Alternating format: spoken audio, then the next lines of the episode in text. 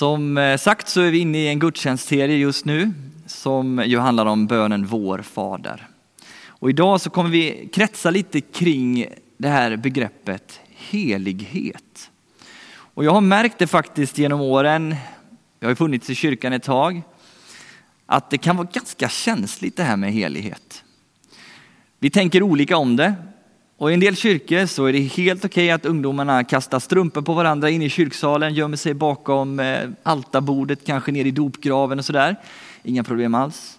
Och i andra kyrkor så blir barnen tillsagda att inte springa in i gudstjänstlokalen. Respektera det heliga, kanske man skulle säga.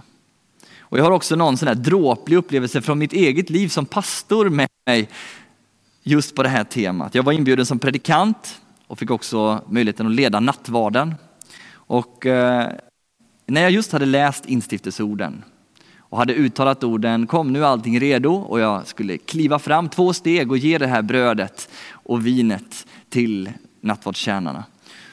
Så kommer det en vindpust i min fart och brödet som ligger där välsignat och färdigt till församlingen det blåser ner på golvet. Men jag märker det lite för sent, jag har redan tagit steget och alla är tysta och väntar på att få ta emot nattvarden. Alla tittar på mig och plötsligt så hörs det ett kras under mina fötter.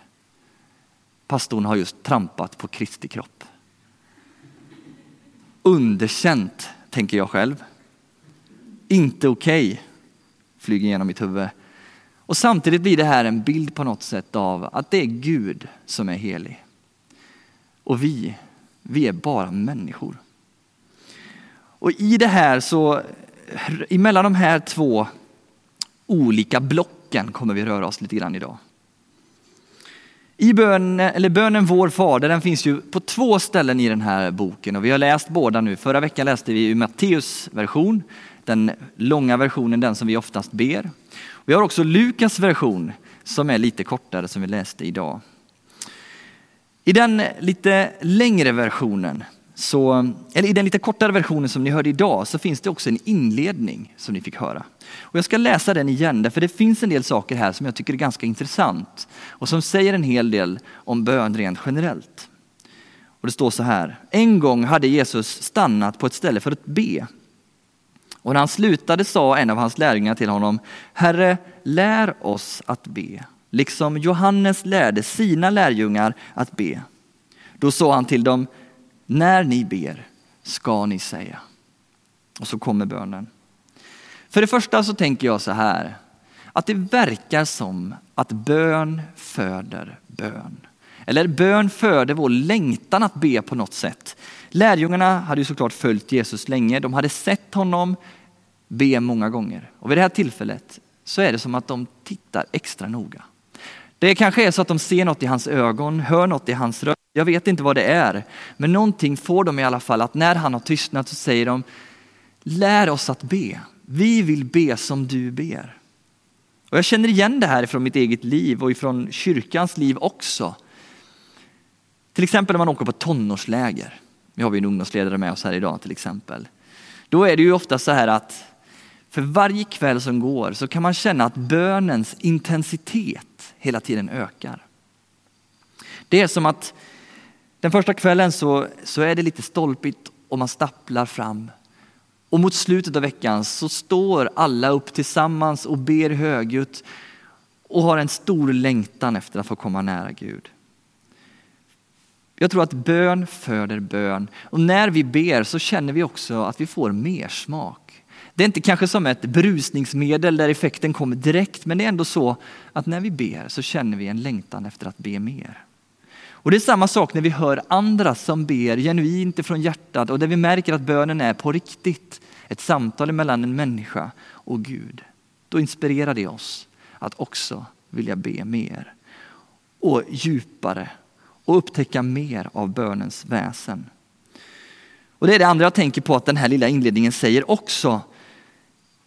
Lärjungarna säger så här, lär oss att be. Och det är ganska skön insikt att det faktiskt är någonting som vi kan lära oss. Du kanske känner så här, jag har provat att be, det funkar inte, jag tyckte inte det var så roligt. Så kan en del tonåringar säga till mig, framförallt konfirmander i den här åldern. Ja, kan jag säga då, Men prova igen. Därför, jag tror att det är så att ju mer vi ber, desto mer lär vi oss hur vi ska be för att det på något sätt ska öppna sig och för att vi ska närma oss Gud på riktigt. Och det är det som lärjungarna längtar efter här. De vill lära sig att be. Och de har sett någonting av bönen som de vill få fatt i. De anar att bön inte bara är ord, utan det är ett samtal mellan människa och Gud, där jord och himmel möter varandra. Det finns platser där hinnan mellan himmel och jord är extra tunn, hörde jag Ylva Eggehorn säga en gång. Och det är stunder när vi verkligen har närmat oss Gud i bön. Det är inledningen, det är anledningen till att Jesus ens får den här frågan. Lärjungarna har sett någonting. Bön ger mer smak och föder längtan. Och då ställer de den här frågan. Och så svarar Jesus väldigt distinkt. Och det tycker jag är härligt, att det är så ibland. Det är inte någon liknelse, det är inget flumflum, det är ingen reflektion, det är inte att lärjungarna själva måste hitta svaret, utan det är pang på. Be så här. När ni ber så ska ni säga, säger Jesus.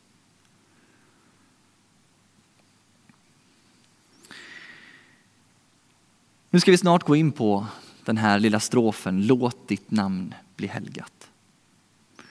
Men innan vi gör det så måste vi titta lite grann på strukturen i den här bönen. Och nu har jag gjort så att den kommer att synas för dig som sitter där hemma. Du kommer se framför dig nu två stycken olika block. Först så kommer, efter den här lilla inledningsfrasen som John predikade över förra veckan, så kommer tre stycken delar som alla handlar om Gud.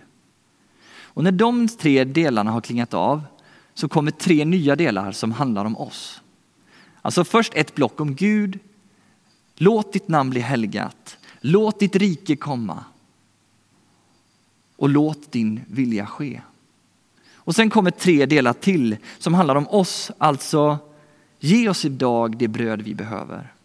Förlåt oss våra skulder och utsätt oss inte för prövning. Att den här strukturen finns här är såklart ingen slump. Jesus har ju lagt in den av en anledning. Och jag tror att det är för att vi ska upptäcka kontrasterna. Emellan en stor och mäktig och härlig och skön Gud å ena sidan. Och oss människor, små, vanliga, vardagliga, enkla människor med behov av bröd, förlåtelse och hjälp emot frestelser.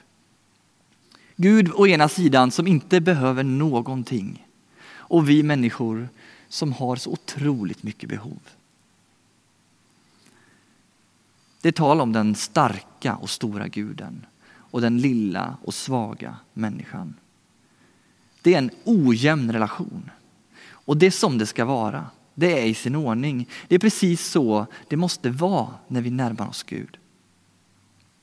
Och Det kan nästan kännas lite som när Jesus ber oss börja att liksom gå in i Guds storhet innan vi får komma med våra behov. Som att han vill sätta oss på plats lite grann. Och Det kan hända att det är så. Det kan låta negativt när man säger det på det sättet. Men det finns någonting här. Och Thomas Sjödin säger detta så väldigt bra så jag vill citera honom. Han säger så här, det är först när Gud har fått sin rättmätiga plats som vi har någon som helst chans att hitta vår. När Jesus möter människor så bjuder han in dem såklart att tala om allt möjligt, allt från vardagsekonomi till relationer. Såklart. Men det börjar inte där. Utan det börjar med att vi som människor får böja våra knän och erkänna för oss själva och inför Gud att vi är vanliga enkla människor. Och Gud är den som är stark, som har all makt och som har möjlighet att göra skillnad och ingripa i våra liv. Där börjar det. Och sen får vi komma med våra behov. Vårt behov av bröd, förlåtelse, frestelser, få hjälp i det. Och det är helt naturligt. Den första delen då, låt ditt namn bli helgat. Den första delen i det här blocket om Gud skulle man kunna säga då. Vad betyder det? Kanske den svåraste meningen i hela den här bönen. Helgat. Om man slår upp det ordet så får man ju kan man läsa ungefär att det handlar om att hålla någonting heligt. Kanske någon tycker att det är lite lättare att förstå då. Samtidigt är det oklart kanske vad heligt ens är för någonting. I Bibeln handlar det om någonting som är avskilt. Någonting som är perfekt, felfritt och otroligt vackert. Någonting som är helt rent. Helt och hållet utan behov. Sig själv nog så att säga. Att hålla någonting heligt varför ber vi låt ditt namn bli helgat? Det låter ju nästan som att Gud skulle behöva hjälp att hålla sitt namn heligt. Men så är det såklart inte. Guds namn är heligt och kommer alltid att vara det. Det det handlar om här är ju att vi ska få hjälp att hålla Guds namn heligt i våra liv. I våran värld. Det är det som vi ber om här såklart. Och varför står det då namn? Jo, Namn är ett uttryck för Guds väsen. Ni känner ju till den där berättelsen, kanske några av er i alla fall, från den brinnande busken när Mose står där inför Guds helighet. Han får ta av sig sina skor. Och så säger den här rösten, säg åt dem när du går till Egypten och liksom går i min tjänst, att det är han som heter Jag är som har sänt dig. Alltså Guds namn jag är, det är ju hela hans väsen. Det handlar om att Gud och allt det han står för och är i sig själv ska hållas heligt i vårt liv. Och när vi ber det så förstår vi såklart att det är sällan det sker. Det är sällan vi klarar av att göra det fullt ut. Vi brister om och om igen. Ändå får vi be det. Ändå är det en viktig bön att be. Inte kanske för att sätta oss själva på plats just här, men för att vi hela tiden ska få be och att vi ska få längta efter att få bli indragna i den här heligheten som Gud, eller som Jesus talar om här. Gud är helig och vi kan få be att få bli indragna i den. Och det är på något sätt när vi lever nära honom i bön på det här sättet och ber om att få bli mera lika honom som vi också sakta förändras och kan märka nyansskillnader i vårt liv. Att vi mer och mer får ett hjärta som liknar hans. Vi kommer alltid fortsätta göra fel. Vi kommer alltid att synda för vi är människor, inte heliga gudar. Men vi kan märka att vårt hjärta mer och mer får bli en spegelbild av Guds. Det föds en längtan i oss, en riktning att vi skulle få bli mer lika Jesus. Och därför är det viktigt att vi fortsätter att be om detta. Och så kommer ju det sen, förlåt oss våra skulder. Och så får vi bli på nytt rentvättade av Guds helighet.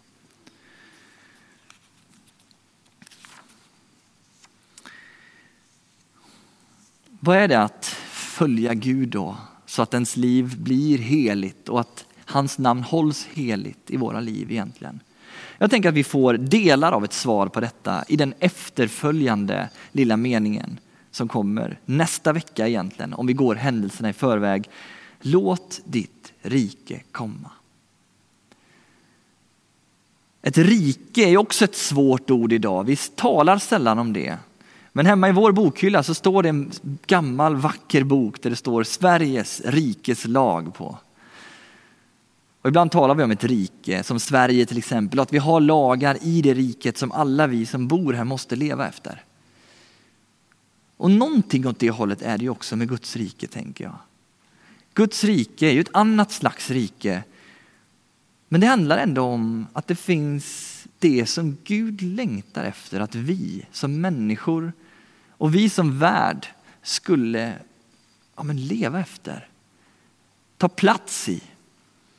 Och Jesus får ju den frågan en gång, vilket är det viktigaste budet? Vad, vad, vad ska jag fokusera på? Och då läser vi från Matteus 22, 36 till och med 40. Det är en lärd man som frågar honom. Han svarar så här. Mästare, vilket är det största budet i lagen? Han svarade honom, du ska älska Herren din Gud med hela ditt hjärta, med hela din själ och med hela ditt förstånd. Detta är det största och det första budet. Sedan kommer ett av samma slag. Du ska älska din nästa som dig själv. På dessa båda bud vilar hela lagen och profeterna. Alltså när vi människor älskar Gud och andra människor, då håller vi hans namn heligt i våra liv. Och där människor älskar varandra och Gud, där är det en plats där hans namn hålls heligt i den här världen. Jag tror att det ganska ofta är så att vi har en benägenhet, inte av illvilja eller att vi vill fuska eller någonting, men vi har en benägenhet att hoppa över de här tre första delarna. Det första blocket och gå rakt in på det som är igenkännbart, det vi förstår oss på. Bröd, förlåtelse, frestelser. Det är sånt vi kan hantera och förstå att vi behöver hjälp med. Så vi struntar i den här första delen och går rakt på det. Men Jesus säger tvärtom. Han säger det omvända, han säger kom först och lyft blicken och se den Gud som du tillber. Den Gud som är helig, fläckfri.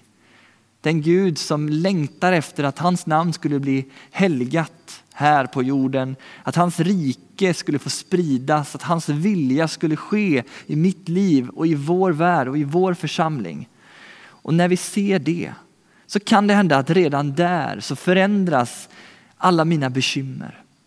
Alla de saker jag hade tänkt att lyfta fram till Gud, därför jag får perspektiv. Det handlar inte om teknik egentligen, utan det handlar om perspektiv. Att få möjligheten att plötsligt se någonting som är större än bara jag själv. Och Jag tror att det ligger en hemlighet just här, en hemlighet som Paulus också ofta är inne på i sina brev. Att det är när jag är liten som Gud får bli stor i mitt liv. Det är när jag är svag som Guds kraft verkligen kan komma in i mitt liv. Så länge jag själv håller mig som helig på jämnbördig plats som Gud så behöver jag honom inte. Och jag förväntar mig heller aldrig att han skulle på riktigt slå, slå ner mig med häpnad, komma med sin stora kärlek och manifestation in i mitt liv. I frikyrkliga sammanhang, som jag själv är en del av, så har vi ofta talat om Jesus som en vän. Och det är han verkligen. Jesus säger själv, jag kallar er inte tjänare, jag kallar er vänner. Därför han vill vara våran vän. Han har den typen av relation med oss. Han talar med oss om allt. Samtidigt så får vi inte stanna där. Det får inte stagnera, stanna av där, utan det är ju någonting mer också. Vi kan också läsa om Jesus som en allvis härskare, en gudomlig hjälte, en evig fader, en fredsförste. Han kan stilla stormar, väcka upp döda och han gått på vattnet. Han har alla möjligheter att förändra dina livsomständigheter. Men du måste låta honom vara Gud. Och du måste låta dig själv vara människa. Och då blir vi också mer barmhärtiga mot oss själva om vi tillåter oss vara just det. Vi behöver inte vara som gudar. Vi är människor. Och för mig så har det varit viktigt att ibland poängtera det här för mig själv. Hitta sätt att påminna mig om att jag är människa och Gud är Gud. Och ett sånt sätt som har funkat för mig i alla fall, det är att ibland, kanske hemma, kanske i kyrkan, få falla på knä inför honom. Att få ligga där en stund och bara få uppleva att Gud är stor och jag är liten och jag får ta emot ur hans hand allt det han har att ge till mig. Det är på något sätt att besinna att Herren är helig. Andra gånger har jag faktiskt ibland under nattvarden till exempel plockat av mig mina skor och gått fram och tagit emot utan skorna, precis som Mose gjorde vid den brinnande busken. Bara för att hitta sätt att faktiskt också minnas att Gud är en helig Gud. En av mina konfirmander som just konfirmerade sig har ett armband där det står så här och som han glatt visade upp för mig för bara några veckor sedan. Han, Jesus, ska bli större och jag ska bli mindre. Det är Johannes döparens egna ord som han bär på sin arm. Därför han har förstått någonting som jag tror vi behöver förstå. Det handlar inte om att vi ska känna oss små och ynkliga. Att Gud vill slå ner på oss på något sätt. Inte alls. Vi kan få stå raka inför hans nåd och kärlek. För vi är rent tvättade av honom. Men vi är ändå små människor. Och Gud är stor. Och det är han som har all makt. Vi ber tillsammans. Tack för att du är här. Tack för att din helighet ibland behöver få slå oss med stor kraft och häpnad. Och vi ber att det skulle få ske. Hjälp oss att se att vi är vanliga enkla människor och att du är en stor och mäktig Gud. Dra oss närmare dig och låt oss få uppleva din helighet, din skönhet och hjälp oss in i bönens väsen. Att förstå att vi verkligen kan få möta dig, universums skapare och upprätthållare. Att vi kan få ha en personlig relation med dig och att du älskar oss över allt annat. I Jesu namn. Amen.